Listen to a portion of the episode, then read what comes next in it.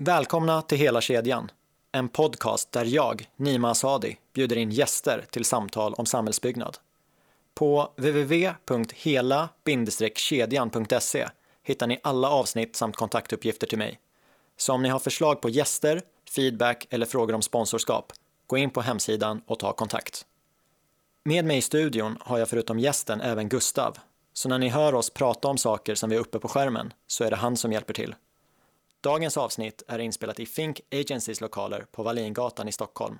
Låt oss börja. För två månader sedan satt min nästa gäst och jag på ett café och pratade stadsplanering. Hon pratade om samhällsbyggnad med så stor passion att jag blev ännu mer övertygad om att gå vidare med att starta den här podden och bjuda in riktiga entusiaster som henne. Hon har en bakgrund i branschen där hon i olika ledarroller hela tiden måste se efter samhällets bästa och ett projekt för henne kan sträcka sig så långt som över 20 år. Av sina närmaste beskrivs hon, bland mycket annat, som en tidsrealist som är bra på att effektivisera samt få saker och ting gjorda. Och för mig som stockholmare känns det därför väldigt tryggt att hon idag är med och leder utvecklingen av Stockholm genom sin roll på exploateringskontoret. Låt mig presentera Katarina Kronheffer.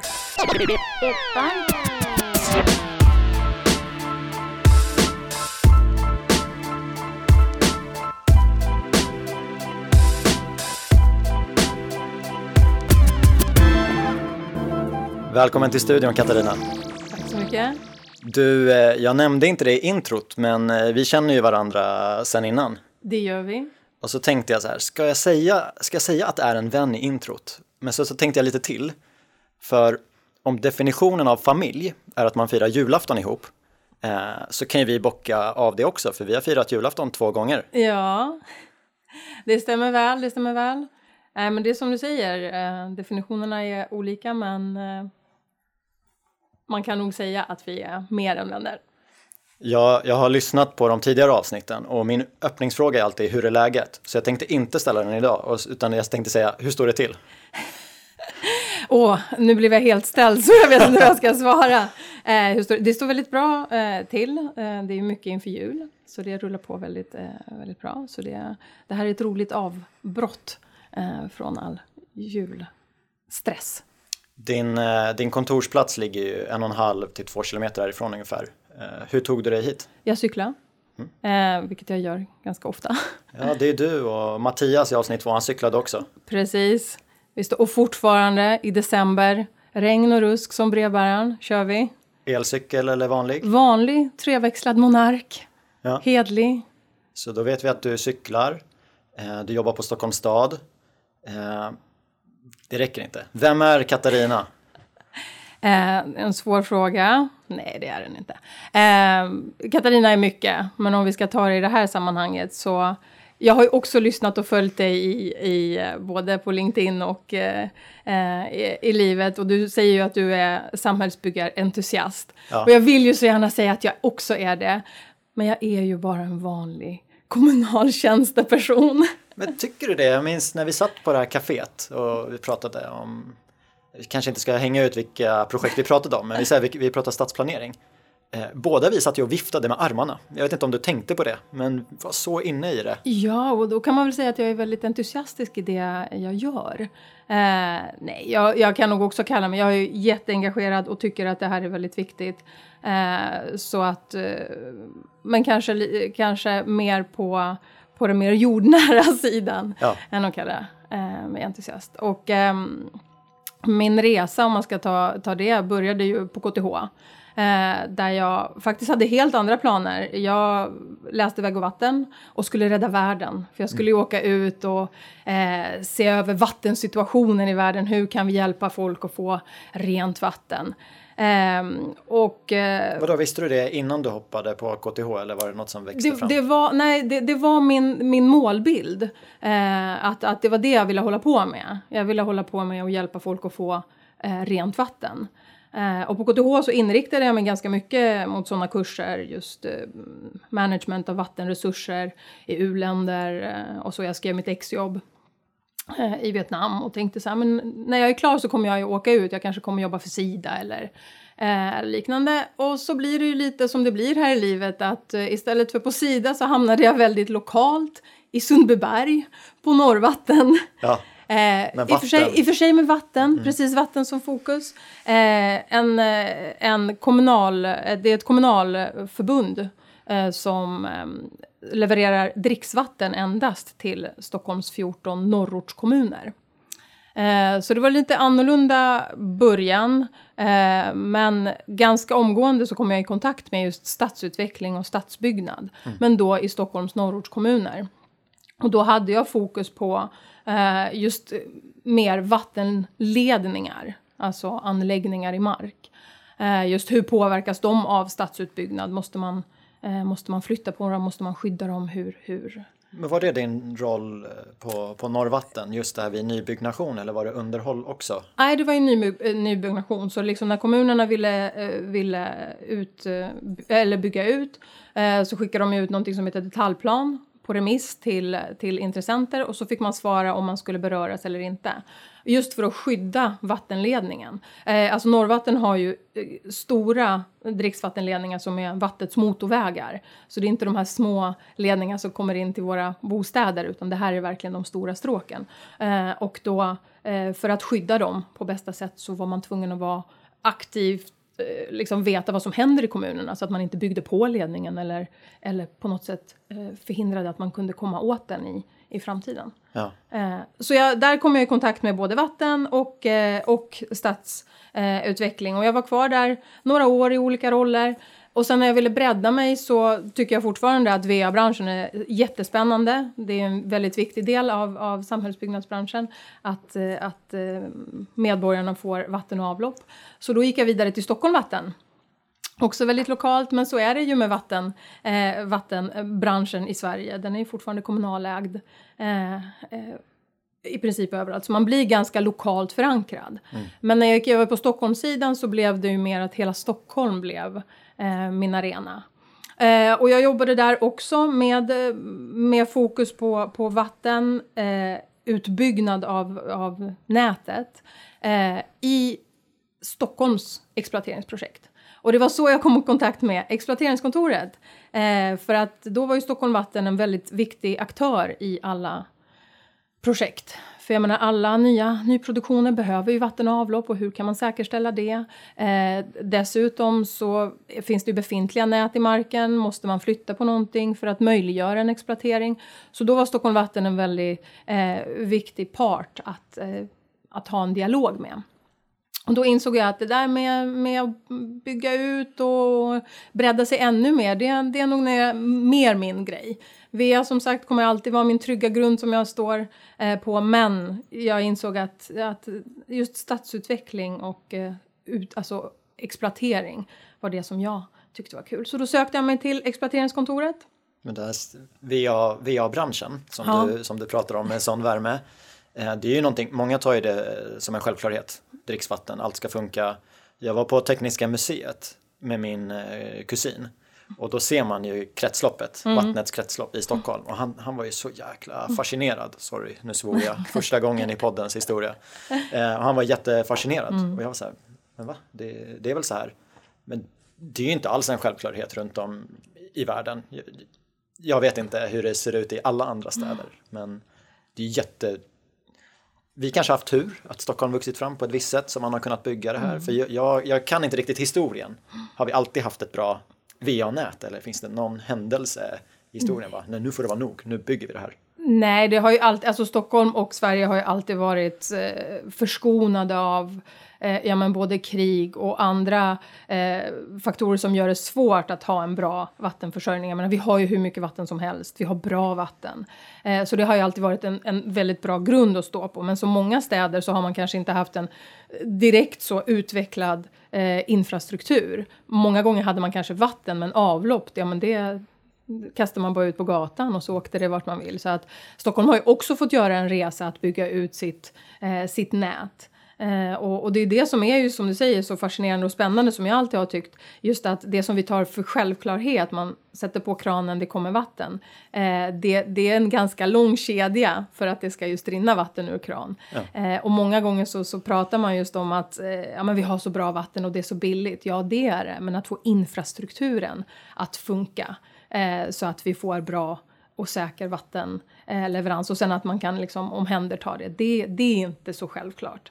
Eh, så inte, inte nog med att jag brinner för eh, för liksom stadsutbyggnad. Jag brinner väldigt mycket också för anläggningsbranschen, för det är en bransch som inte syns. Ja. Alltså det, är, det finns en hel stad under marken som också måste funka, som också måste samordna sig. Och VA är ju bara en del. Jag menar, vi tar ju för givet att vi kan, eh, vi kan liksom titta på tv eller, eller liksom surfa snabbt. Ja, men det måste också finnas ledningar som, eh, som, eh, liksom, som tar den infran in till oss. Och samma sak, man vill ju duscha hur länge som helst. Ja, då måste man ha fjärrvärme. Så att eh, det är väldigt många eh, intressenter under marken också som måste samordna sig. Ja, men jag tänkte det. Nu blev jag fascinerad av det här med, med vattnet. För det finns ju ett system som uppenbarligen funkar idag. Mm. Men Stockholm växer ju. Mm. Det både förtätas och det växer utåt. Mm. Och nu när man bygger ut det, mm. alltså har man ett hjärtsystem som är så pass överdimensionerat så att, inte överdimensionerat men det kommer funka för Stockholms tillväxt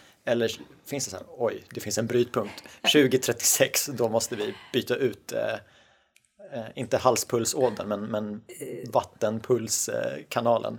Eh, både och. Alltså det är klart att det finns ett grundsystem. Alltså man har ju ett, ett stamnät både för vatten, spill och dagvatten.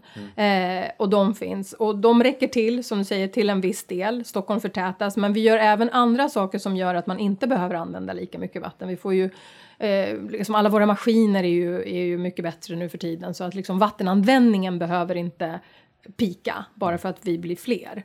Eh, men absolut att det, det händer. Alltså jag menar det är klart att blir vi fler så blir det mycket mer vatten. Men då gör man ju åtgärder. Dels så tittar man just på behoven och vissa områden har större behov än andra.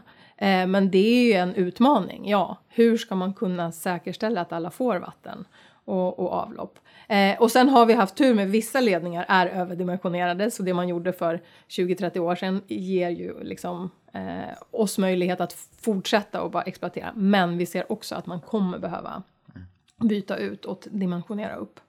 Eh, och det här är en del av stadsbyggnadsprocessen så man har ju med just eh, Stockholm Vatten eh, hela tiden för annars så skulle man inte få med hela kedjan. Eh, som är så fint. Ja, du droppar poddens ja, namn. Och det funkar så bra, jag gillar det, det namnet för jag tänker alltså det, det är så passande i så många sammanhang. Ja, tack. Eh, jag håller med. den, var, den var väldigt fyndig.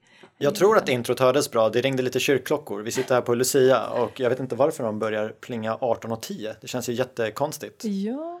Men jag hörde vad du sa och micken ska ju fånga det, det vi hör. Så jag tror det var bra. Så du börjar på Norrvatten. Yes. Sen Stockholm, Stockholm Vatten. Och sen exploateringskontoret. Eh, och på exploateringskontoret så eh, gick jag in i en roll som heter byggprojektledare. Ja. Eh, och eh, jag vet inte om vi ska ta rollen först eller jag ska berätta lite bakgrund. Här kan jag komma för, in. Precis. För eh, jag har varit inne på din LinkedIn och det står inte samhällsbyggnadsentusiast men eh, jag ska när man, ändra det där. när, när, man kollar vad du eh, vad du gör för någonting. Mm. Det, det, här har du skrivit själv. Du har skrivit sex punkter. Mm. Jag ska läsa upp den första ordagrant. Ansvarar, leder och samordnar planerings-, projekterings och byggåtaganden samt projektavslut och garantitid som berör byggnation på allmän platsmark. Och så känner jag så här, är inte det där typ tre heltidstjänster, bara den? Och du gör fem, fem punkter till som är lika eh, omfattande. Så med, med det sagt, så du får välja själv mellan vad du gör om dagarna och hur staden ser ut. Eh, jag kommer vilja höra om båda ja, i din ordning. Eh, men det som är fokus här, det som du sa, det är ju allmän platsmark. Och för att förstå allmän platsmark så kanske vi ska ta lite hur, hur det hänger ihop med staden och vilka andra ord ni kommer få höra så, så, så att ni, eh, ni förstår vad vi gör. Men jag jobbar som sagt för exploateringskontoret i Stockholms stad. Ja. Så då tittar vi alltså på Stockholms eh, stads eh, liksom hela... Precis. Eh, och för lyssnarna så har Gustav, han har uppe stockholm.se på skärmen. Eh, sen har han lite andra underlag också som vi kommer att prata kring. Men om ni lyssnar eh, så kan ni gå in på www.stockholm.se snedstreck om Stockholm. Eh, där finns det sex stycken knappar som eh, kommer hjälpa oss, tror jag. Precis, de kommer hjälpa för att de visar dels Stockholms organisation. Eh, den kanske många förstår att det är en politisk organisation. Eh, det är ju vid val som vi väljer vem som ska jobba för Stockholm, alltså vilka politiker som ska driva Stockholms, eh, liksom, eh, Stockholms politik framåt. Men sen är det ju så att man måste ju undergruppera sig. Och då finns det ju eh, både kommunfullmäktige, eh, statsledningskontor och jag jobbar ju då för en eh, av de 15 eh, fackförvaltningarna, alltså de tekniska förvaltningarna i eh, staden. Och kedjan från kommunfullmäktige är ju då eh, nästa steg är kommunstyrelse, sen är det statsledningskontoret och sen är det stats och fackförvaltningar. Precis, för, för det ska man ju förstå. Stockholm är en gigantisk apparat att, eh, att jobba inom. Eh, som jag brukar säga, det är ju, det är ju 40 000 anställda i alla olika delar. Jag menar, det är ju allt från sjuksköterskor till, eh, till eh, just ja, men tekniska förvaltningar och alla lärare, förskollärare. Eh, så att man måste ha en ganska strukturerad organisation för att det här ska kunna gå ihop och att det ska bli, eh. Så att jag jobbar för en fackförvaltning eh, och den är ju i sin tur också uppdelad i olika underavdelningar och där vi alla har varsin roll. Eh, och varför jag nämner det, det är just för att du nämnde, eh, eller som jag skrev, allmän platsmark. Eh, och min roll som byggprojektledare är just att planera och driva till genomförande det som ska bli allmän platsmark. Men när man utvecklar en fastighet eller ett område i Stockholm så består den både av kvartersmark och allmän platsmark. Kvartersmark är det byggaktörerna har att röra sig inom, det de kommer vilja bygga på. Och allmän platsmark är det, den delen som kommer bli ja, det allmänna. Eh, rätt sagt. Liksom, det som alla vi stockholmare får ta del av. Det är inga grindar, det är inga stängsel, utan det här är den platsen som vi får vistas på. Och så teoretiskt kan det vara en innergård också då? Om det inte finns någon grind? Nej, för den, ja, om man, men då ser man det endast i plankartan, att det, det ska vara allmänt. För annars, ofta innergårdarna hör ju till just fastigheten och är privata. Ja. Det är en privat innergård. Men det vi bygger som, som vi menar allmän plats, det är gator, torg, lekplatser eh, och parker eh, såklart. Så liksom mycket fokus kring de gröna, eh, gröna områdena i Stockholm. Mm. Eh, och vi sitter ju i Tekniska nämndhuset tillsammans med andra tekniska förvaltningar. Kan vi nämna några för lyssnarna? Ja, vi nämner några som vi jobbar väldigt nära med och det är ju Stadsbyggnadskontoret och Trafikkontoret. Och Stadsbyggnadskontoret är ju den förvaltningen som planerar Eh, för hur man vill att Stockholm ska växa. Och Trafikkontoret i sin tur sen driftar de allmänna gatorna Eh, så att de är en driftsorganisation. De har ju även sina egna projekt, liksom, men det, det är det som är kedjan. Att trafik, eh, Stadsbyggnadskontoret planerar, vi äger marken, exploateringskontoret och eh, kan eh, dela ut den eller sälja mm. ut den till eh, byggaktörerna. Och sen trafikkontoret kommer förvalta det vi bygger på den allmänna eh, tillsammans med stadsdelarna, för man har lite delad Eh, men det är en kedja och det, det som är viktigt just att förstå som jag, som jag sa inledningsvis, alltså Stockholm är gigantiskt. Vi är många som jobbar. Bara på exploateringskontoret är vi ungefär 240 personer. Och samma gäller för de andra, eh, stadsbyggnadskontoret och trafikkontoret. Jag tror de är jämnstora, kan vara lite olika. Eh, så vi är ju många som jobbar eh, för att driva de här eh, projekten. Vi har ungefär fyra eller vad sa de, 500 stadsbyggnadsprojekt igång samtidigt. Ja. Så att som sagt, gigantisk apparat. I mindre kommuner kanske man har mindre organisationer. Ibland så kan det vara en person som är alla tre eh, förvaltningarna eller vad man ska säga. Medan vi är så stora att det går inte, så vi är tre enskilda eh, förvaltningar, men vi kallar oss en. Alltså ibland man säger liksom lite i daglig tal, staden. Ja. Men du nämnde 500 projekt. Eh, Ja. Vad, vad pratar vi om för tidshorisont ungefär då? Ja, men vi pratar ju med, alltså, jag menar, som vi alla vet, det här är ju projekt som, eh, som både planeras eh, och, eh, och ska genomföras. Och vissa kan ha en väldigt kort eh, eh, tidsperspektiv. Alltså om det är bara någon de- detaljplaneändring där man bara ska eh, göra något infill. Så det kan vara liksom fem år. Men så har vi ju långa stadsbyggnadsprojekt som till exempel Hagastaden, Norra Djurgårdsstaden, Hammarby sjöstad som har hållit på i många, många år. Eller nu Slakthusområdet som också börjar planeras och ska vara klart 2030. Eh, eller ännu längre Ja. fram. Så att det är ju, det är ju ett spann. Ja, Eh, men hur det hänger ihop också eh, på andra sätt är just att staden då, politikerna, som ju är våra, vad ska man säga, inte ar- uppdragsgivare faktiskt, de har ju tagit fram en vision för Stockholm.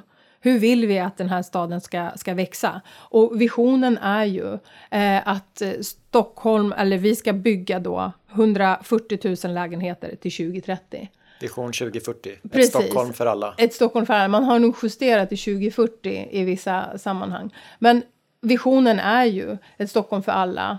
Och då har man eh, delat upp det i, i, eh, i delmål då. Och vi tittar ju på det ur stadsbyggnadsperspektiv, ur, ur utveckling, alltså exploateringsperspektiv såklart. Och visionen antar jag är politisk. Den är politisk och den är tagen av politiken. Eh, och den trillar ner till oss och så ska vi genomföra. Så teoretiskt så kan det komma nya bud. Det var ju ett maktskifte. Ja, eh, samtidigt så, så tror jag vi är lite förskonade från det, alltså de stora skiftningarna. Man är ganska enig om att det är den här linjen man vill gå så att man eh, oavsett eh, faktiskt skifte så, så man justerar visionen. Man kanske ändrar inriktning lite grann men det kvarstår hur mycket man ska bygga och tidshorisonten. Intressant. Nu fick jag bara i huvudet eh, vad man tänker på när man röstar. Eh, men är det kommunalskatten eller liksom vad, vad tänker man på? Men teoretiskt, det är ju hur, hur staden ska se ut. Även om sidorna verkar tycka hyfsat lika. Det är väl något Nobelcenter här och där som man är oenig kring. Men eh, alltså vi, folket, det, det är vi som väljer. Men jag vet inte, hur, hur medvetna är vi om, om, om vad vi gör? Jag kan säga att folk är både medvetna och engagerade. För alltså just stadsbyggnad engagerar. Jag menar man bor ju i sin stad, man ser den utvecklas, man vill kunna påverka. Och det är ju det som är Eh, som, som man har möjlighet till. Eh, inte bara i Stockholm utan i Sverige. Just liksom att, att den, eh, den processen är väldigt demokratisk. Eh, från början till slut faktiskt. Och stockholmare som sagt väldigt engagerade, eh, vill vara med och vi vill att de ska vara med. För vi vill ju bygga en stad för dem, inte för oss själva. Det är inte så att jag sitter och bara åh, här skulle jag vilja ha det här för att jag tycker det är roligt. Utan vad vill stockholmarna ha? Eh, så att eh, vi är ju väldigt engagerade på olika eh, sätt. Eh, hur man ska liksom ha en medborgardialoger och medborgarengagemang. Eh, ibland har man det i senare skeden, ibland redan i tidiga skeden. Men just för att få en, en opinion, känna av jag menar du som bor i den här stadsdelen, vad, vad saknar du, vad vill du ha? Eh, och då finns det möjlighet att jobba in det. Eh, och det, det tycker jag är kul, för det, det ger ju mig en möjlighet till påverkan. Då förstår jag, som, som vanlig medborgare kan jag faktiskt eh, påverka. Eh, och, och vi som sagt, eh, vi som jobbar vill ju uppmuntra det, för att det är inget kul att sitta och proja någonting och sen blir alla missnöjda eller har bara åsikter, hur tänkte ni här? Jag vill ju att folk ska tycka att det vi har byggt är, är bra. Eh, och här vill jag vistas och inte bara att det, eh, det är fult eller dåligt. Nu har du nämnt några länkar i kedjan. Stadsbyggnadskontoret, exploateringskontoret där du själv är och eh, trafikkontoret. Precis. Eh, vi kollar ju på en, på en bild här på skärmen som heter Från idé till inflyttning. Ja, Stockholms stads... Eh, ja, det är så. Stock, vi kallar den ormen, ja, men som jag sa, jag tycker det ser mer ut som en gata kanske som man går. Om man nu ska tänka stadsutveckling. ja, det är, det är är det, 17-18 rutor. Ja, och det här, så här ser flödet ut i alla våra projekt. Eh, och jag ska väl också förtydliga hur vi är uppdelade på, på exploateringskontoret. Eh, för att eh, exploateringskontoret är ju eh, en beställarorganisation. Eh, vi beställer i princip allt det vi har behov av eh, i, i, i väg av alltså konsulter som ska eh, göra alla våra utredningar. Eh, så att vi själva sitter i princip bara och driver eh, projekten framåt, ja, ur beställar vad ska jag säga, perspektiv. Ja. Eh, och där måste vi också vara uppdelade i att, som jag sa, jag driver projektet allmän platsmark, eh, men jag sitter i en projektgrupp. Och alla projekten har i princip samma projektgrupp, där man, är, man har en projektledare som är ansvarig för hela projektet, både på kvartersmark och allmän platsmark. Eh, de sitter på en annan avdelning som heter projektutveckling än vad jag sitter. Eh, och de hanterar allt från markanvisning till, de är med i hela kedjan. Eh, så de är, de är med från idé eh, och där byggaktörerna kontaktar den avdelningen. Hej, här skulle vi vilja bygga. Eh, och sen kommer min avdelning in, också ganska tidigt i processen, men har fokus på genomförbarhet och allmän platsmark. Eh, och, och som sagt, till vår hjälp har vi eh, i projektgruppen också experter i trafikplanerare och landskapare. Vi har miljöspecialister. Eh, och så beställer vi allt det andra som, som behövs eh, för att driva de här, det här projektet framåt. Och den här ormen, Ja. som vi kan kalla den, den, om jag har fattat det rätt, den gäller ju för alla projekt, stora som små, Precis, men kanske olika lång. Eh, Ja, den kan kortas ner eller, eh, eller den kortas inte ner, den går ju snabbare ju, liksom, ju okomplicerad, om projekten är okomplicerade. För även små projekt kan vara komplicerade. Eh, allt bygger ju på vilken fastighet man vill utveckla. Eh, och i Stockholm så är det så att man inbjuder eh, byggaktörerna att komma med förslag. Eh, de får titta på vad de skulle vilja bygga och vad de vill bygga. Och så kommer de med sin idé till eh, exploateringskontoret eh, till en projektutvecklingsavdelning. Eh, och då har, säg exempel då, nej men här har jag sett en fastighet, här skulle jag vilja bygga. Då får projektledaren det i sitt knä och startar i ormen då. Och vi har ju fem skeden då, initiera, utreda, planera och genomföra. Och det den, den projektledaren hela tiden gör, det är att den eh, utreder om den här platsen, vad är mest lämpligt att göra på den här platsen? Och i det här tidiga skedet så tittar man bara väldigt grovt. Jaha, vad vill du göra här byggaktör? Ja, men jag vill bygga ett höghus. Okej, hur hade du tänkt dig det? Eh, och så tittar man, vad är det för, för fastighet? Finns det några hinder för det här? Man tittar på just miljö, man tittar på eh, buller, man tittar på, eh, på om det finns ledningar som kan påverka, man tittar på ekonomi i grova drag. Och bedömer man att Nej, men det här var en bra idé, ja men då går man vidare till nästa steg som heter utreda. Och då, det är lite som att gå över en port och säga så här, men okej, vi, vi tycker att det här är en bra idé, vi tar ett ekonomiskt beslut, det här är värt att utreda, utreda ytterligare. Och den här utreda-fasen, det är fortfarande exploateringskontoret som håller i den.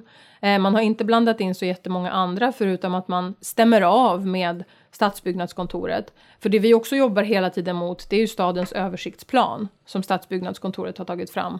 Det är den här vad vi kallar liksom stadsutvecklingsbibeln. Så här vill vi att stan ska växa. Ja. Och då har stadsbyggnadskontoret tittat på alla delar av stan och, och bedömt att ja, men så här vill vi att Farsta ska utvecklas, så här vill vi att eh, Skärholmen ska, ska utvecklas och innerstan har ju, och alla, alla eh, platser har ju sina förutsättningar, alla förorter är ju olika. Och de tittar både på den specifika förorten men även Stockholm i stort.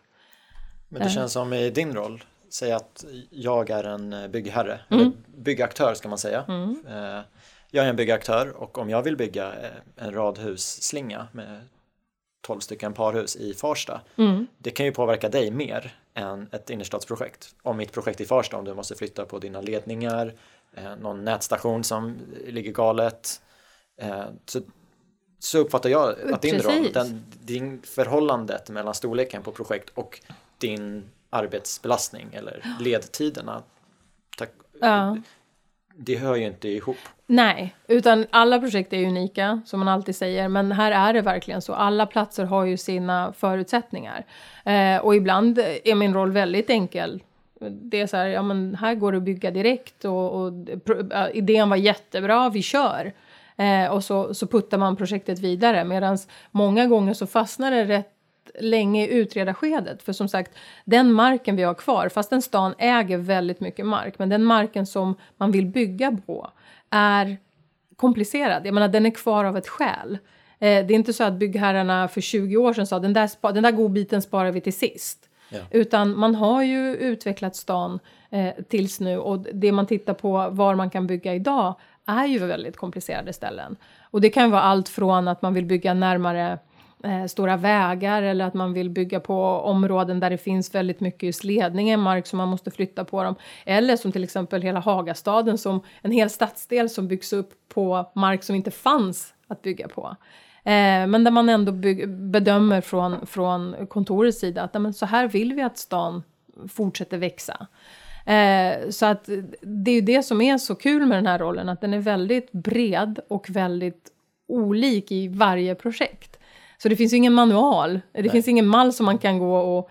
Eh, för att alla projekt kräver helt olika saker. Men hur funkar det menar, när jag hör ett Stockholm i världsklass eller ett Stockholm för alla? Eh, då är det Stockholm för mig. Jag tänker inte att ett exploateringskontor i världsklass, ett mm. SPK i världsklass. Hur, hur synkar ni ert arbete? För att utåt så är ni i Stockholm. Precis, utåt i staden. Och det är jätteviktigt, eh, både för oss och för, att, för, för er som, som är medborgare, att, att så ska det vara. Eh, för vi ska ju driva åt samma håll, och det gör vi. Eh, vi har dock alla våra, våra ansvarsområden. Eh, och där är det ganska tydligt vad jag ska göra, vad stadsbyggnadskontoret ska göra, vad trafikkontoret ska göra och även de andra förvaltningarna. Men vi gör ju ingenting själva. Det skulle inte funka utan eh, när idén kommer till exploateringskontoret, ja men då tar den projektledaren och går över till SPK och frågar områdesstrategen där. Jag, jag har fått in den här idén, är den mm. galen eller hur, hur har ni eh, resonerat i översiktsplanen? Eh, och får man ett liksom oh, förlåt, kör på den, ja men då kan exploateringskontoret en stund själva driva det vidare. Men sen dockar man hela tiden in de andra förvaltningarna. Och det är inte bara, nu, nu har vi nämnt de tre stora, men säg att man utvecklar någonstans i innerstan och man vet att ja, men idrottsförvaltningen vill ju ha en ny fotbollsplan här. Ja men då går man och frågar dem. Eh, hur, hur ställer ni er till det? Eller om man råkar ta en fotbollsplan från dem för att man vill exploatera. Mm. Så att det är hela tiden den här, eh, den här samordningen som måste till. Ingenting kan göras liksom på din kammare. Eh, ja, för att säkra kvaliteten eh, så alla de här stegen då i ormen finns ja. det en beskrivning att eh, om du är projektledare på exploateringskontoret mm. och du är i ruta avtal med staden Ja. Då ska du göra de här punkterna. Eh, det finns det. Sen, den här ormen är det grova i hur vi gör. Vi har någonting som vi för tillfället het, eh, kallar kvalitetssystem, men det ska eh, få en annan, eh, annan eh, rubrik. Verksamhetssystem heter det på Veidekke. ja, här ska, jag tror det ska heta exploateringshandboken. Där vi, för det som jag sa, det är en gigantisk apparat. Vi är 240 personer på exploateringskontoret för att det ska bli effektivt, för att vi ska få den här framdriften och hinna bygga de här eh, lägenheterna till, till 2030 eller 2040 som vi har. Ja, då måste vi jobba på ett enhetligt sätt. Det kan inte vara så att vi uppfinner hjulet i varje projekt. Varje projekt är unikt, absolut, men man måste ha något regelverk eller ramverk som gör det att vi kan eh, vi kan eh, liksom arbeta effektivt. Dessutom, som vi alla vet, så är världen är inte lika stabil längre. Folk flyttar på sig, eh, man jobbar inte man, man, jobbar inte 25 år och väntar på sin guldklocka på företagen utan det är mycket större rullians på personal. Eh, så det vi också måste skapa är en struktur där det, det går smidigt att gå in och ut. För våra projekt som sagt löper inte under ett år, två år, utan det är ju femårsperioder och då måste man kunna kliva in och ut. Innan Gustav kom in med frågan, jag tänkte vad det du sa med att folk flyttar. Jag tror att går du in i KTHs arkiv så finns det ju examensarbete om erfarenhetsåterföring sedan 1836 och vi pratar fortfarande om det som jätteutmaning. Ja, jag eh, kom på en fråga här. Mm. Det känns som om eh, ni är en ganska väloljad, väloljad organisation. Mm. Men hur ser det ut som om man tar till exempel eh, Hagastaden? Där kräver, krävs det också ett samarbete med typ Solna stad. Mm. Mm. Hur, eh, hur ser samarbeten ut däremellan?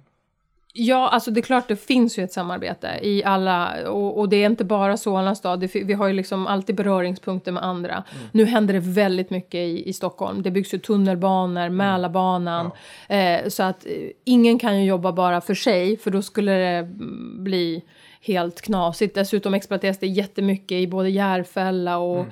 eh, som påverkar oss. För jag menar det är ju, om man tittar i Stockholm i stort, man ska inte stirra sig blind på kommungränserna. Så att dialog förs ju alltid.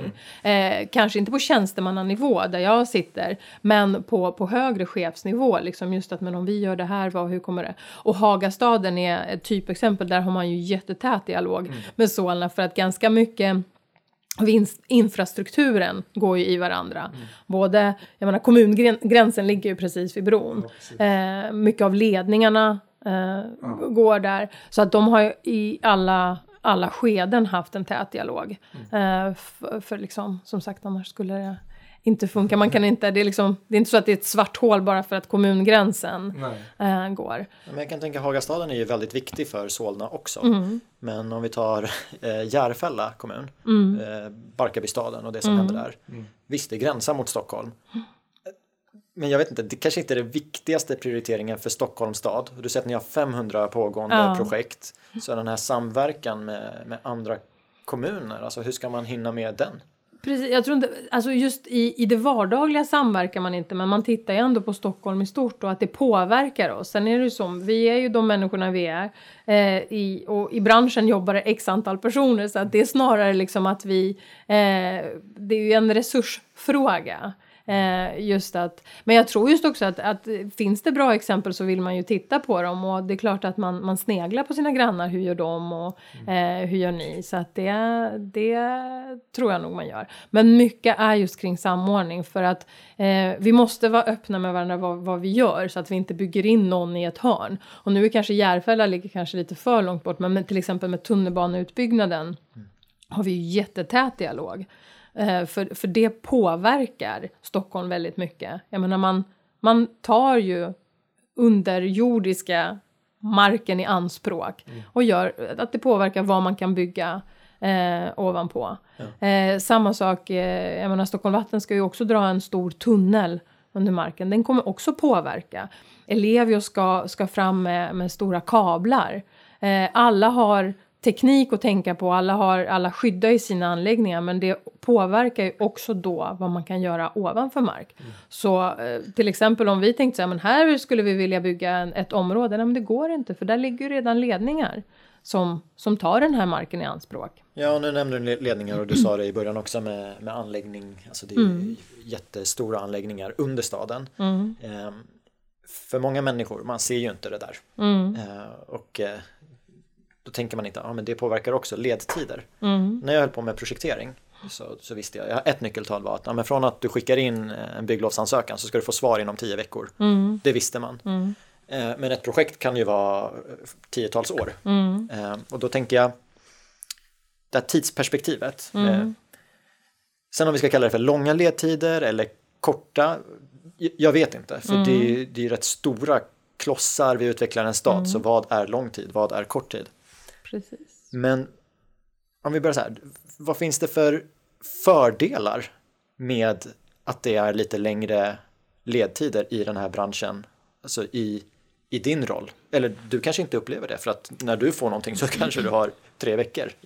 Hur kan du förklara? Ja, men alltså det som du säger, allt är ju relativt vad man, vad man bedömer. Alltså, och, och tid är ju svår att, att, att, ta på, men det jag ser som en fördel, och det här är ju så som processen fungerar i Sverige. Det är inte Stockholm som har hittat på det, utan i Sverige har man sagt att man ska ha en väldigt demokratisk eh, stat, eh, stadsbyggnadsprocess. Eh, vilket betyder att den ska vara transparent och många ska få tycka till. Och då blir det så. Samordning är alltid tidskrävande. Eh, så fastän vi kanske, vi jobbar ju åtta timmar per dag effektivt, vi har, eh, vi har mycket bra system och stöd och allt det här, så vår vardag är väldigt trimmad. Och, eh, men det gör just att eftersom vi måste stämma av med så många andra intressenter så går tiden. Alltså det, jag vet inte hur man skulle kunna visa det i en tidsaxel, men dygnet har 24 timmar. Vi jobbar inte alla årets dagar. Alltså det, när man tittar på när man jobbar så blir det inte så konstigt att tiden går. Mm. Oj, förlåt. Och vi sitter ju som sagt i, från idé till eh, till genomförande där en stor del av kedjan heter planera och det är stadsbyggnadskontorets detaljplaneprocess. Och det här är ju någonting som, som vi alla detaljplan eller alla fastigheter som vill utvecklas lyder under. Att man måste gå igenom den här processen för att få en plan som man får bygga inom. Och den här processen kan ta eh, ganska lång tid för att just att det stadsbyggnaden testar är ju lämpligheten för att bygga den här marken, på, på den här marken. Och den är i sin tur uppdelad i skeden. Så först har man ett samrådsskede där man skickar ut en, en plan och sen har man ytterligare ett skede. Så tiden går ju bara på grund av det. Eh, men det som, som jag ser som en stor vinst är ju att eh, jag som tjänsteman på, på, på Stockholm stad eh, är ju då övertygad om att jag har gjort mitt bästa. Jag har låtit alla eh, ta till sig de här planerna, eh, tycka till om dem. Vi har, eh, vi har våra system och granskningar eh, och att när jag skickar ut det i slutändan, då är det det bästa som man kan bygga på den här platsen. Ja, men jag känner ju dig, så när du säger att du gör ditt bästa så, så vet ju jag lite vad det innebär. Du sätter ju höga krav på dig själv och, mm. och, och levererar på dem. Eh, och du har ju inte missat eh, debatten de senaste, eller det kanske var mer för två år sedan, mm. då hörde jag det mer. Man gick jättehårt på från utvecklarna på ja men det är ledtider och det händer mm. ingenting och vi står och väntar. Det är anledningen till att vi har massa mark men inte bygger. För att vi inte, eh, processen tar, tar lång tid. Mm. Är det oförtjänt kritik eller liksom, är det lätt att skylla på staden? Ja, jag tror att det är lätt att skylla på någon. Man vill ju skylla på någon när, när man själv just står och stampar. Det sa Lars Albinsson också, alla pekar på alla det, Ja men precis och eh, lite oförtjänt tycker jag för att ofta ser man kanske bara en del i kedjan och den kanske står och stampar men en annan del jobbar febrilt för att, eh, för att få liksom, eh, processen att gå vidare. Och som jag sa, vi är ju uppdelade på olika sätt och pratar med en person på staden så verkar det som att den här gör ju ingenting. Nej, men det är för att någon annan har tagit vid och den, deras process har börjat. Eh, men, men som jag sa, saker och ting tar ju tid också. Jag menar, eh, jag är mycket för logistik och liksom titta på hur mycket, hur lång tid tar det att skriva ett mejl, hur lång tid tar det att bara göra en beställning, att få en konsult, att få en... Jag menar, det är sådana saker som tar tid. Dessutom, stan ska ju jobba transparent. Eh, vi är bundna av eh, lagen om offentlig upphandling. Vi kan inte göra som vi vill bara för att, för att vi skulle vilja. Eh, och som jag alltid säger, om jag fick jobba själv, alltså jag är ju supersnabb. Så jag skulle liksom få saker och ting gjorda. Men sen är det ju så, vi dockar in i så många andra. Och dessutom, jag menar, eh, för att det ska vara en kvalitet som säkras, för det är ju det som är också det viktiga för oss. Vi har ju styrdokument, vi har väldigt många intressenter, man ska försöka medla mellan dem. Eh, man ska försöka just få fram ett underlag som man kan stå för. Och det tar också tid. Men, men jag kan försäkra om att alla det är inte så att vi sitter och, och gör ingenting på dagen utan alla jobbar ju febrilt. Men vi har många projekt igång och många eh, byggaktörer kanske som har ett projekt, det är deras största fokus, eh, ser ju bara sitt. Medan vi ska försöka få ihop det också. Och då, som du sa Gustav, jag menar, hur gör man mellan Solna eh, och Stockholm? Jag menar, vi har kanske fem detaljplaner bredvid varandra som vi måste se, men hur påverkar de mm. eh, varandra? Just så att vi vi ser ju en större del av helheten än vad en enskild byggaktör gör när den utvecklar sin. Och också dessutom ta hänsyn till politiskt styre också. Precis. Eh, för det som sagt, alltså, vi har ju fått ett, ett mål, en vision som vi ska bygga efter. Eh, och den ska, den ska ju docka in i, i behoven också och i, eh, i det som, som byggaktörerna vill. Mm. Eh, så ibland kanske man förenklar det från någons sida. Alltså byggaktörerna ser ju sitt. Men om ni bara gjorde så här så skulle det gå mycket enklare. Och eh, säga att någon som sitter på, på konsultsidan säger så här, om ni bara gjorde så här så skulle det gå. Medan vi har just, vi ser ju alla de här bitarna och ser att ja, men vi, trim, vi försöker trimma in varje del. Men det är ändå en väldigt ja, som jag sa, liksom stor massa som ska mm. manövreras framåt. Ja, men om man tar de största byggaktörerna, de som har en eh, utvecklingsdel, en entreprenaddel mm. eh, som, som gör eh, några delar i, i kedjan själva. Jag tycker när man läser deras årsredovisningar eller intervjuer då är det alltid så här, nej men vi, vi ska bli bättre på våra egna processer. Mm. Och aha, det är ju utveckling och bygga och förvaltning, det är tre, tre länkar. Mm. Staden har ju ganska många fler länkar så att det tar tid och finns utmaningar. Det är, det är inga konstigheter och jag tänkte komma in på det för att du nämnde andra städer. Mm. Då kanske en, en person har tre roller Mm. och kan prata med sig själv eller i huvudet då, förhoppningsvis. Men jag menar andra städer, jag vet inte vilka städer du känner till och hur de jobbar. Ja, men hur gör de i Amsterdam, hur gör de i Berlin? Jag vet bara att jag känner en mäklare i Marbella som ville sälja en tomt till mig. Och eh, jag väntade med att säga att jag inte hade 10 miljoner på kontot. Så jag frågade lite om hur processen går till. Och då var det så här, nej men du köper den här tomten. Och sen ansöker om bygglov. Ja, men hur lång tid tar det då? Är det tio veckor? Nej, det kan ta upp till två år. Och då känns tio veckor, det känns ju ganska snabbt. Eh, men när Stockholm, jag vet inte om ni kollar på andra städer i Europa, jag vet inte hur ni gör, men någonstans måste man ju hämta inspiration. Mm. Hur skiljer sig våra processer från en annan demokrati där ute? Där, jag är faktiskt inte så påläst om andra städer, men det jag vet, det vi gör, är ju att vi försöker nog plocka russinen ur kakan. Vi vill ju trimma in just varje del så att den blir så bra som möjligt. Eh, sen, som sagt, det jag tror skiljer Stockholm, eh, eller Sverige, är just att vi har en väldigt demokratisk process.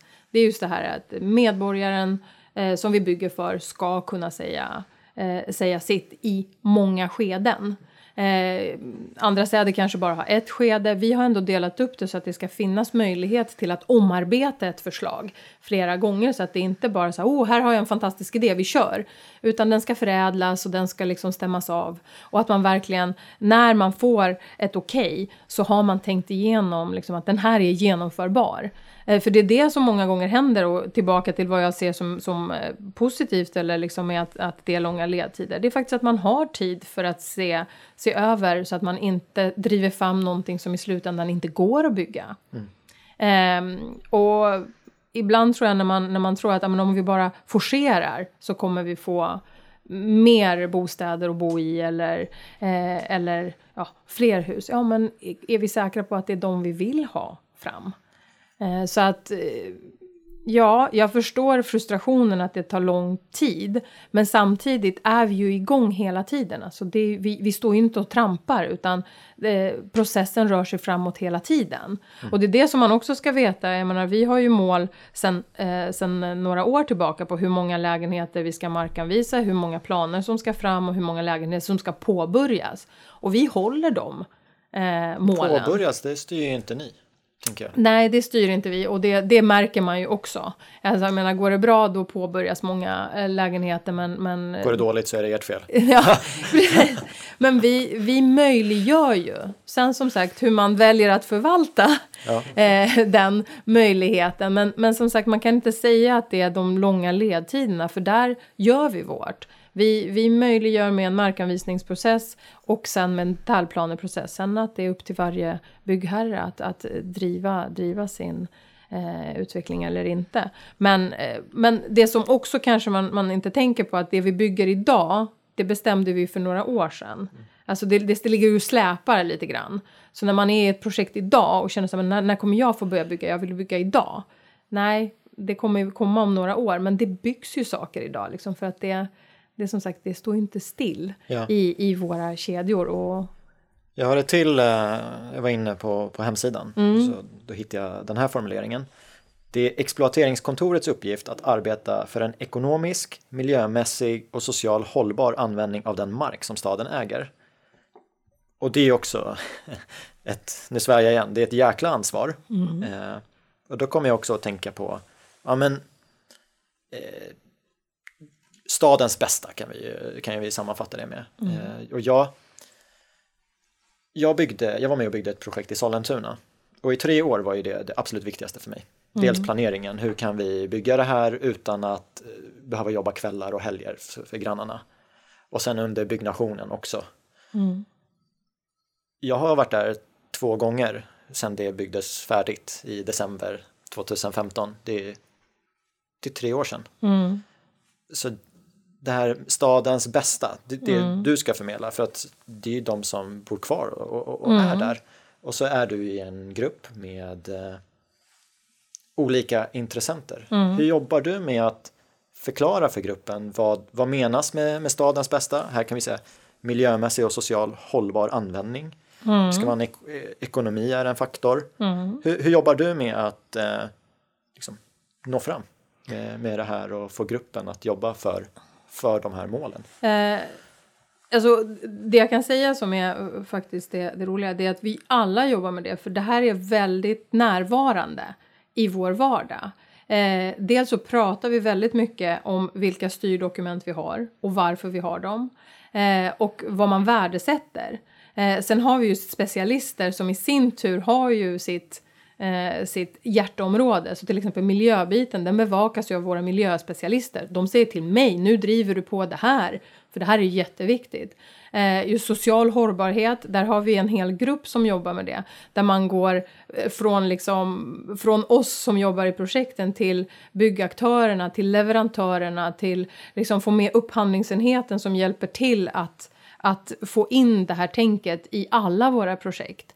Eh, så att det är det som, som också är men både utmanande men, men faktiskt roligt att vi tänker inte bara på bygg, bygg, bygg, nu ska vi bygga den här lilla platsen utan vi, vi skapar ju någonting. Och där i kommer just det här ansvaret. Eh, som du säger, vi vill ju skapa den bästa platsen som folk vill vistas på idag och i framtiden. Så att man inte bara just ser den så här, ja ah, men här vill jag inte vara så jag går någon annanstans. Mm. Eh, och, så vi jobbar ju varje dag med att trimma in och göra det bättre och bättre. Så att vi har massa styrdokument och som alltid så låter det som att det är någon, någonting som står i våra bokhyllor. Nej, utan vi pratar om det till vardags. Hur kan vi, eh, hur kan vi just implementera det här i våra projekt? Och det som är roligt på min grupp som jag alltid brukar säga, alltså vi är ungefär 30 byggprojektledare idag. Eh, vi jobbar alla med samma sak, vi bygger alla allmän platsmark, men vi kommer från väldigt olika bakgrunder. I princip ingen har samma bakgrund. När jag jobbade inom VA, ja då var ju alla VA-ingenjörer. Ja. Så alla hade liksom samma utbildning, de hade jobbat inom samma bransch. Här jobbar man, eh, här kan man komma från väldigt olika eh, delar av branschen är inte alltid bygg och vi gör ändå samma sak. Men det beskrev Eva som en framgångsfaktor i grupper, mångfalden. Ja. Man vill inte peka på någon enskild egenskap. Eh, Precis. mångfalden. Och det märker man, för det som också händer, inte nog med att vi har en en blandning med var vi kommer ifrån, var vi har jobbat någonstans och så här, men vi är också spridda i ålder eh, och eh, liksom, ja, men, bakgrunder. Eh, vilket gör att man, man kommer in med helt olika ögon och vill bygga samma stad. Och alla bor ju i Stockholm, så alla har vi ju våra eh, hjärtefrågor. Jag menar, jag som bor i Solna och har massa bra kanske input från Solna kommer in till Stockholm och liksom någon som är Stockholm, stockholmare som har bott liksom eh, i stan, i innerstan kanske hela tiden, eh, ser stan på ett helt annat sätt. Och så sitter vi alla och ska bygga samma sak och diskussionerna blir väldigt eh, roliga på det sättet för att alla kommer in med sitt. Eh, och vill just eh, ta in eh, liksom de, eh, de mål vi har. Så att det där är inte bara en pappersprodukt hos oss utan, eh, utan vi, vi, vi tittar till vardags just hur kan vi få, få det här i praktiken. Ja, precis, och vissa saker är ju mer fasta eller, eller vad man säger. Om man har ett miljömål, mm. ja men det det, det är ett miljömål. Men när det är så här, social, det ska vara en social plats, det ska mm. vara eh, livskvalitet här. Mm. Eh, då kan jag tänka mig att det är väldigt många som har åsikter om den allmänna platsmarken. Mm. mm. Eh, hur jobbar man med uppföljning där? Om, om, om, du har ett projekt som ni har mm. byggt. Eh, finns det något organiserat sätt för att ett år efter att vi har byggt det, då går vi ut med lappar i områden? Eller är det det här kontinuerliga? För jag antar att, jag antar att folk ringer dig. Ja, det händer. Alltså uppföljning är alltid en svår puck. Det vet vi i många organisationer. Eh, jag tror inte vi har någonting organiserat. Man gör ju stickprovskontroller sen och kollar liksom hur bra blev det här, är folk eh, nöjda? Men kanske inte på bred front. Eh, för det, det är ju ja, den organisationen har vi inte, utan vår fokuserar ju på bygg. Eh, däremot så är det så om ingen klagar så är vi väldigt nöjda för då vet vi att vi har gjort ett bra jobb. Om vi får arga samtal, då vet vi att vi kunde ha gjort någonting bättre. Så tar vi med det till nästa projekt. Och så är det ju, vi, vi ska ju vara tillgängliga för medborgarna. Jag menar, vi bygger ju i deras eh, liksom backyard. Eh, så att vi, vi måste kunna svara varför vi gör någonting och hur tänkte vi här. Och, eh, och, och, det tycker jag är en väldigt viktig del. Jag, jag kan absolut känna igen att folk är upprörda. Det är inte kul att bo precis bredvid en byggarbetsplats där ingenting händer. Eh, så att det är också en stor del eh, att, att förklara för folk liksom faktiskt hur vår vardag ser ut. Att bara för att det ser ut som att vi inte gör någonting så är det inte så. Vi, vi kanske inte kan bygga hus då eller, um, eller det är liksom andra saker. Men, men det som är viktigt är att vi, vi finns tillgängliga så att medborgarna kan lyfta sina åsikter. Mm. En, en, punkt som är het i, i branschen är ju digitalisering och mm. alla möjligheterna. Och eh, i, i, min tidigare roll så har ju det varit kopplat till ja, bostadsköparna. Mm. Vet de vad de köper när de kollar på en 2D-ritning? Ja, mm. det är inte självklart. Eller det, det, procenten är inte mm. så hög för det. Eh, och jag tänker för allmän platsmark mm. och eh, om man ska visa att ja, här kommer det byggas. Mm. Då kan digitaliseringen, det kan ju vara ett väldigt bra verktyg för att liksom, nu sitter vi massa olika yrken i det här rummet och vi ska ha en mm. dialog om det här är bra eller inte. Eh, tänker vi samma sak när vi hör byggarbetsplats? Tänker vi samma sak mm. när vi hör det här?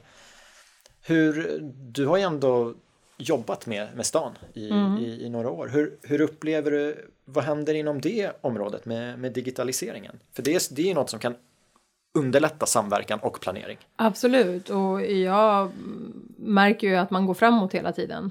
Eh, dels som jag sa, jag menar, vi inbjuder ju till medborgardialoger och där vill vi ju att folk ska förstå vad, vad vi har för planer. Som du säger, det är inte alltid lätt att förstå från en ritning. Eh, så många gånger eh, förr i världen tänkte jag säga, det gör vi fortfarande, vi har jättefina modeller eh, som man bygger upp. Ja, sådana här i papp. I papp, mm. eller i sån här plast. Och de är ju, de, de är ju fina och man kan få ett hum om, ja men jag förstår. Eh, men det kanske inte jätteflashigt. Så man har ju börjat gå över till 3D-modeller. Uh, och när man åker ut, jag menar säga att man kommer ha en, uh, en detaljplan ute i uh, Bandhagen någonstans. Då åker man ut när man har samrådsmöte med en stor skärm och så har man en 3D-modell och så visar man på modellen liksom så här kommer, så här planerar vi. Mm. så arkitekterna tar ju fram väldigt fint underlag så att man kan på ett, just som säger, enkelt visuellt sätt visa för medborgarna. Eh, sen de större projekten har ju, eh, har ju en hel organisation kring kommunikation.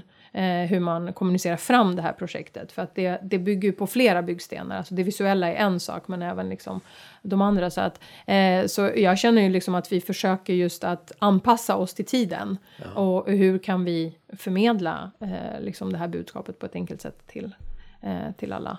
Ja, och det var ju medborgarna. Men sen finns det en till del i det. För när vi pratade med Lennart i första avsnittet. Mm. Lennart, hur blir vi mer produktiva? Ja, men det är genom VDC bland annat, Visual Design and Construction. Mm. Eh, Mattias, han samlade mätetal mm. och, fick in det. Eh, ja, men, a, Lars Albinsson, det säger väl sig själv, han är en jätteförespråkare av digitaliseringen. Mm. Så om vi medborgarna, då vet vi, vi jobbar med mm. visualisering, men i den egna processen, mm. en detaljplan idag, mm. om vi får bli nördiga, är den i DVG-format? Ja. Eh, du säger det som att det är en självklarhet. Jag var på en kommun i veckan, som, där, där fanns det inga DVG, detaljplaner, de hade ju knappt det på vägar som var ritade bara för något år sedan. Det fanns ja. ju inga DVG-underlag. Jo, men Eller så fanns det, men de hade ja. inte tillgång till det. Jo, men absolut. Där har ju Stockholm också varit i, i framkant, skulle jag tro, liksom, att driva den processen. Eh, och det, som jag säger, alltså, vi försöker ju trimma in alla våra delprocesser så att det ska vara just...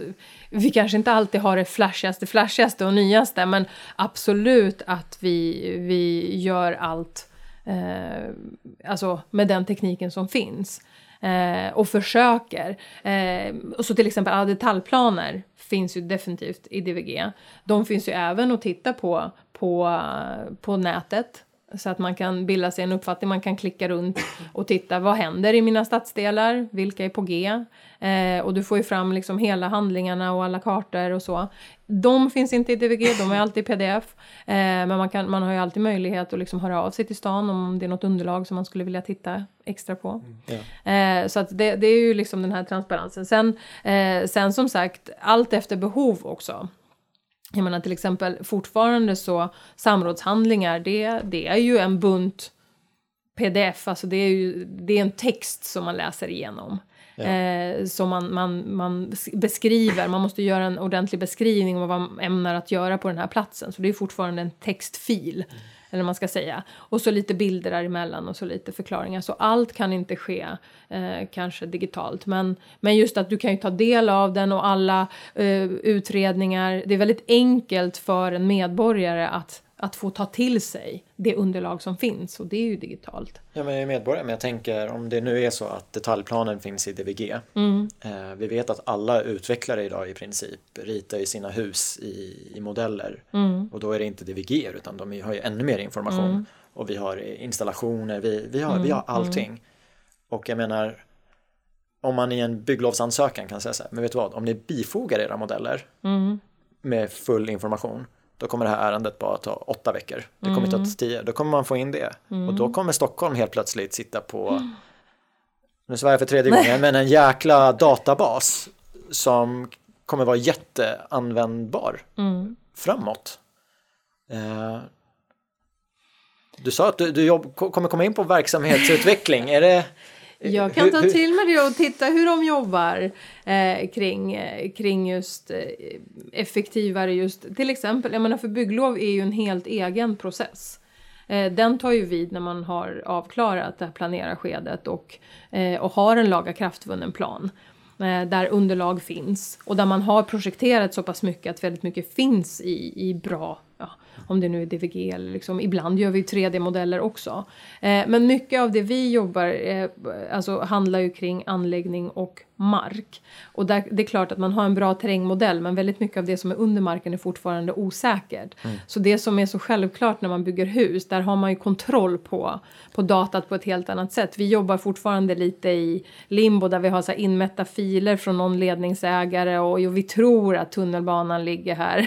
Eh, så att det är ju det liksom att man har, man har fortfarande inte sett den här um, att, att det ger så mycket att, att göra 3D av um, allmän platsmark. Nej. På många sätt. Men jag vet att många av våra projekt som sagt blir ju mer och mer komplicerade. Där tar man fram mycket mer avancerade modeller för att i de projekten behövs det.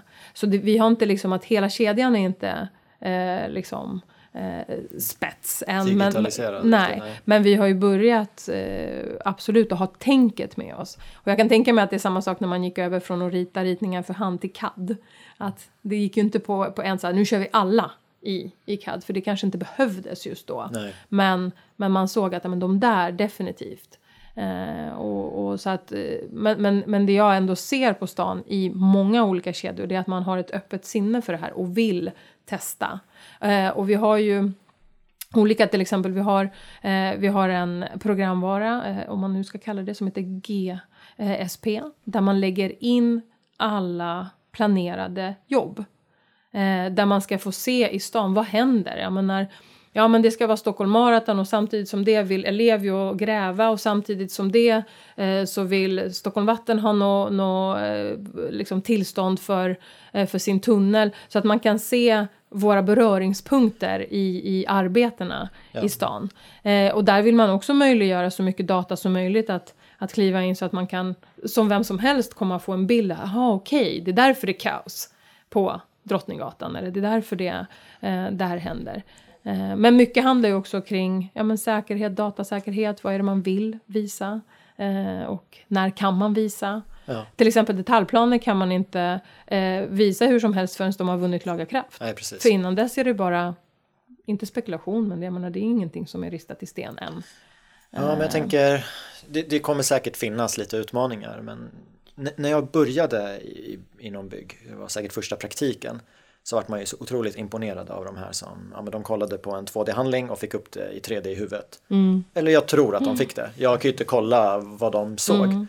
Eh, när jag själv var arbetsledare så var jag ansvarig för installationer. Det hade ju inte gått om vi inte hade haft 3D-modeller. Mm. Eh, och det är samma, om vi tar ett jättestort utbyggnadsområde och det är åtta olika byggaktörer där. Mm. Något projekt har en försenad säljstart så de kommer igång ett halvår senare. Eh, och när jag säger att Nima ABs eh, projekt är uppskjutet ett halvår. Ja, men i en modell, om mm. jag har mm. ritat upp allt, allting, eller det som är relevant, mm. då ser man ju så här, ja men herregud, då kommer du montera ner din kran ett halvår senare. Mm. Men vart ska du ställa mobilkranen för att plocka ner din kran? För då mm. har ju grannfastigheten en grop där. Alltså det är så himla många faktorer som jag tänker att någon form av digitalisering skulle hjälpa. Och det jag inte gillar, det, det har jag också tyckt när man säljer bostäder, mm. att man, man har modeller, men istället för att jobba vidare med dem så mm. vänder man sig till några grafiker, eller mm. inte grafiker, men som, som ritar upp någonting annat. Så vi utgår från olika, olika data. Mm. Så jag, på något sätt vill man ju utgå från samma data och inte jobba dubbelt. Mm. Om en utvecklare har lagt 4 miljoner på en projektering, då kanske man kan ta tillvara på, på det arbetet och i gengäld, vet du vad, vi kortar ner processen från 10 veckor till 8 för det går snabbare för oss. Precis, och där, där är det lite dubbelt när man jobbar just på stan för att mycket är, mycket vill man effektivisera men mycket är ju också myndighetsutövning där alla ska känna sig trygga att det är staden som har tagit beslut, det är staden som har rätt underlag. Och då kanske det känns som att man dubbelarbetar men man vill verkligen säkerställa att det är data, att det, så det, det har ju vi tagit fram. Mm. Eh, eller äger, eller har ägande över. Och det handlar liksom inte bara om data, liksom projektering, men även liksom många utredningar man gör. Att man verkligen eh, man verkligen tar det ansvaret. Eh, så att det, det, kan jag också förstå att många när man tittar på oss utifrån så säger men gud vad, vad ineffektivt. Men sen är det så, det är så också vår struktur funkar för att det ska vara den här demokratiska processen och alla ska känna sig trygga att mina skattepengar går till rätt person och rätt liksom så, så måste stan äga processen och då, då ja, tar det tid. Mm. Eh, men det jag kan säga är just att jag ser att eh, man, man försöker hitta nya mer effektiva sätt. Både just inom sin egna förvaltning men även förvaltningarna emellan. Eh, så att eh, om man tittar just på vad som händer i världen så att det är inte som sagt att vi sitter inte och ritar för hand fortfarande. Men, eh, men det måste ju finnas en liksom eh, en rimlighet i i vilka projekt ska man tillämpa det här på? Ja men det är ändå så härligt att höra att, att du som jobbar på staden pratar så varmt om, om, om utveckling. Mm. Eh, för du hade ju inte behövt göra det. Liksom. Nej. Och... Det kan ju, så här har vi alltid gjort, det är, det är en lagstiftning där och det här är ett etablerat arbetssätt. Du gör ju inte det nu när du pratar. Nej, men precis. Men det, men det kan jag faktiskt helt ärligt säga att jag, jag är imponerad av den organisationen jag, jag jobbar inom. För att jag menar, till exempel, förstå, eh, Hammarby sjöstad har ju haft besökare från hela världen som kommer och tittar på hur man har byggt den stadsdelen. Norra Djurgårdsstaden nu samma sak. Sverige och Stockholm ligger i framkant eh, i väldigt mycket. Folk vill ha oss som exempel. Ja, men hur kan man förmedla det? För att jag tänker det jag vet, för två och ett halvt år sedan så sa någon eh, i någon debatt att nej, hanteringstiderna är för långa. Det har ju mm. varit min sanning mm. eh, fram tills inte för så länge sedan. För att jag, jag hör ju inte allt det här som Stockholm är ledande på. Nej. Eller som i tredje avsnittet med Eva, ja men vet du vad, Sverige är bland de bästa i Agenda 2030. Mm. Bara, oh, wow. Så hur, hur skulle man kunna jobba med att förmedla det stan är bra på? Jag tror att vi gör det menar, på, på, eh, på, olika sätt. Men jag tror att man måste sluta stirra sig blind på tid. Alltså, för att det är klart att vi vill alla att det ska gå fort. det är den världen vi lever i. Men man måste också eh, förstå att vissa saker tar tid. Jag menar, eh, det är samma sak som man har förstått att, att produktion går inte på en dag. Det kanske inte behöver ta två år att bygga en kåk, men ett år i alla fall. Det är samma sak i de här tiderna. att att om man börjar räkna, om man faktiskt satte sig och gjorde ett räkneexempel så skulle man inse att vi skulle kunna vinna tid. Det kan man alltid, man kan alltid bli lite bättre och lite effektiv. Men inte så mycket som man tror. Eh, just för att den här processen ändå ska finnas. Eller så får man säga liksom rakt ut att det är processen vi, vi inte vill ha. Och, och just den här eh, att, att alla ska få tycka till. Men det tror jag är någonting som Sverige och Stockholm är stolta över. Att ha just de här dialogerna, att alla ska vara delaktiga. För det är ändå ett Stockholm för alla som vi bygger som vi har så fint i visionen. Inom eh, bygg, kontor och, bostäder finns det ju NKI-index, nöjd kundindex. Mm. hur jobbar, hur jobbar, jobbar staden med det? Hur, hur nöjda är kanske eh, bostadsutvecklarna med, med, med mm. staden? Är det någon feedback som löpande jobbas in? Absolut. jag var faktiskt liksom idag på, på en, eh, ett möte där man just både där vi eh, bedömer andra men där vi blir bedömda. Och det är ju, det är ju till exempel upphandlingsenheten hos oss gör ju kontinuerligt sådana eh, sådana, vad ska man kalla det, liksom, inte stickprov, för det är inte en stickprov, för man, man testar alla. Hur nöjda är våra konsulter med staden som beställare? Mm. Vad kan vi göra bättre? Vad, vad är vi duktiga på? Och det här gör de årligen. Samma sak om man ut, liksom, det finns något kommunalt nätverk där man frågar just byggaktörerna. Jag menar, ni bygger i många kommuner. Hur, hur tycker ni att det går i de här kommunerna och vad går bra och vad går dåligt? Eh, så att det är ju absolut att man vill ju förbättra sig. Det är inte så att vi sitter och vi vill inte ha någon feedback för att det är, det är jobbigt att höra om, om vi är eh, dåliga, utan man vill ju höra det här. Hur är trenden då? Alla har vi åsikter. Nej men trenden är väl som alltid att det, fin- det är ju både plus och minus. Mm. Eh, jag tror att man uppskattar Stockholm för att man, vi har en väldigt tydlig struktur. Eh, vi, vi har väldigt många, eh, många eh, vad ska man säga, eh, alltså eh, tydliga regelverk som vi styrs av. men det negativa är just att det är så stort och det går långsamt.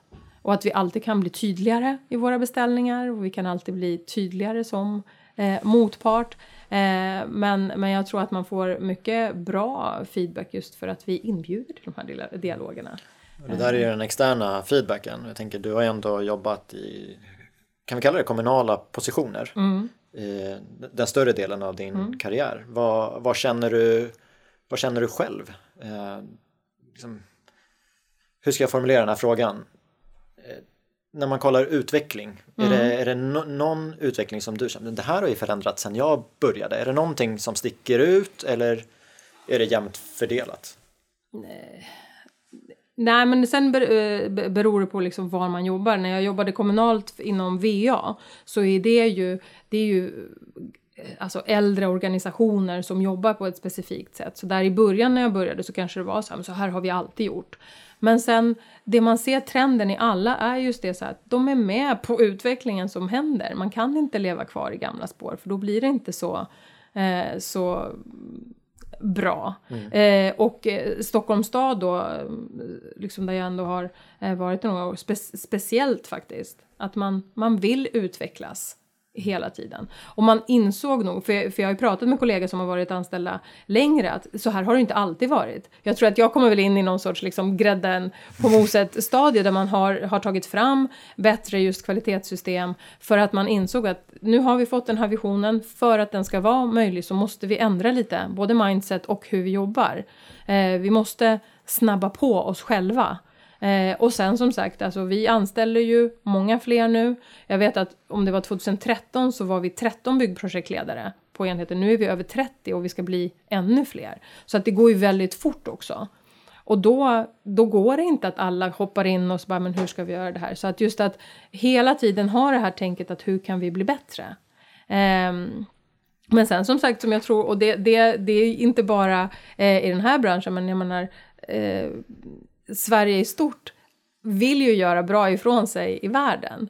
Eh, jag menar, vi har ju jätteduktig musikexport och dataspelsbransch och liksom, och även här har vi liksom, är vi inte, alltså världsledande låter som, men, men vi har eh, utvecklat eh, liksom stadsdel där folk vill komma och titta. Mm. Eh, och det, det känns jättekul för då, då märker man ju, ja men någon hade ju en tanke och har utvecklat den eh, framåt. Jag tänkte om den här podden ska fortsätta vara politiskt obunden så för det, när det var det blåa styret mm. eh, då var det ett Stockholm i världsklass mm. och när det var lite mer rött så var det ett Stockholm för alla. Mm. Så vi tar båda dem och bakar in mm. i samma.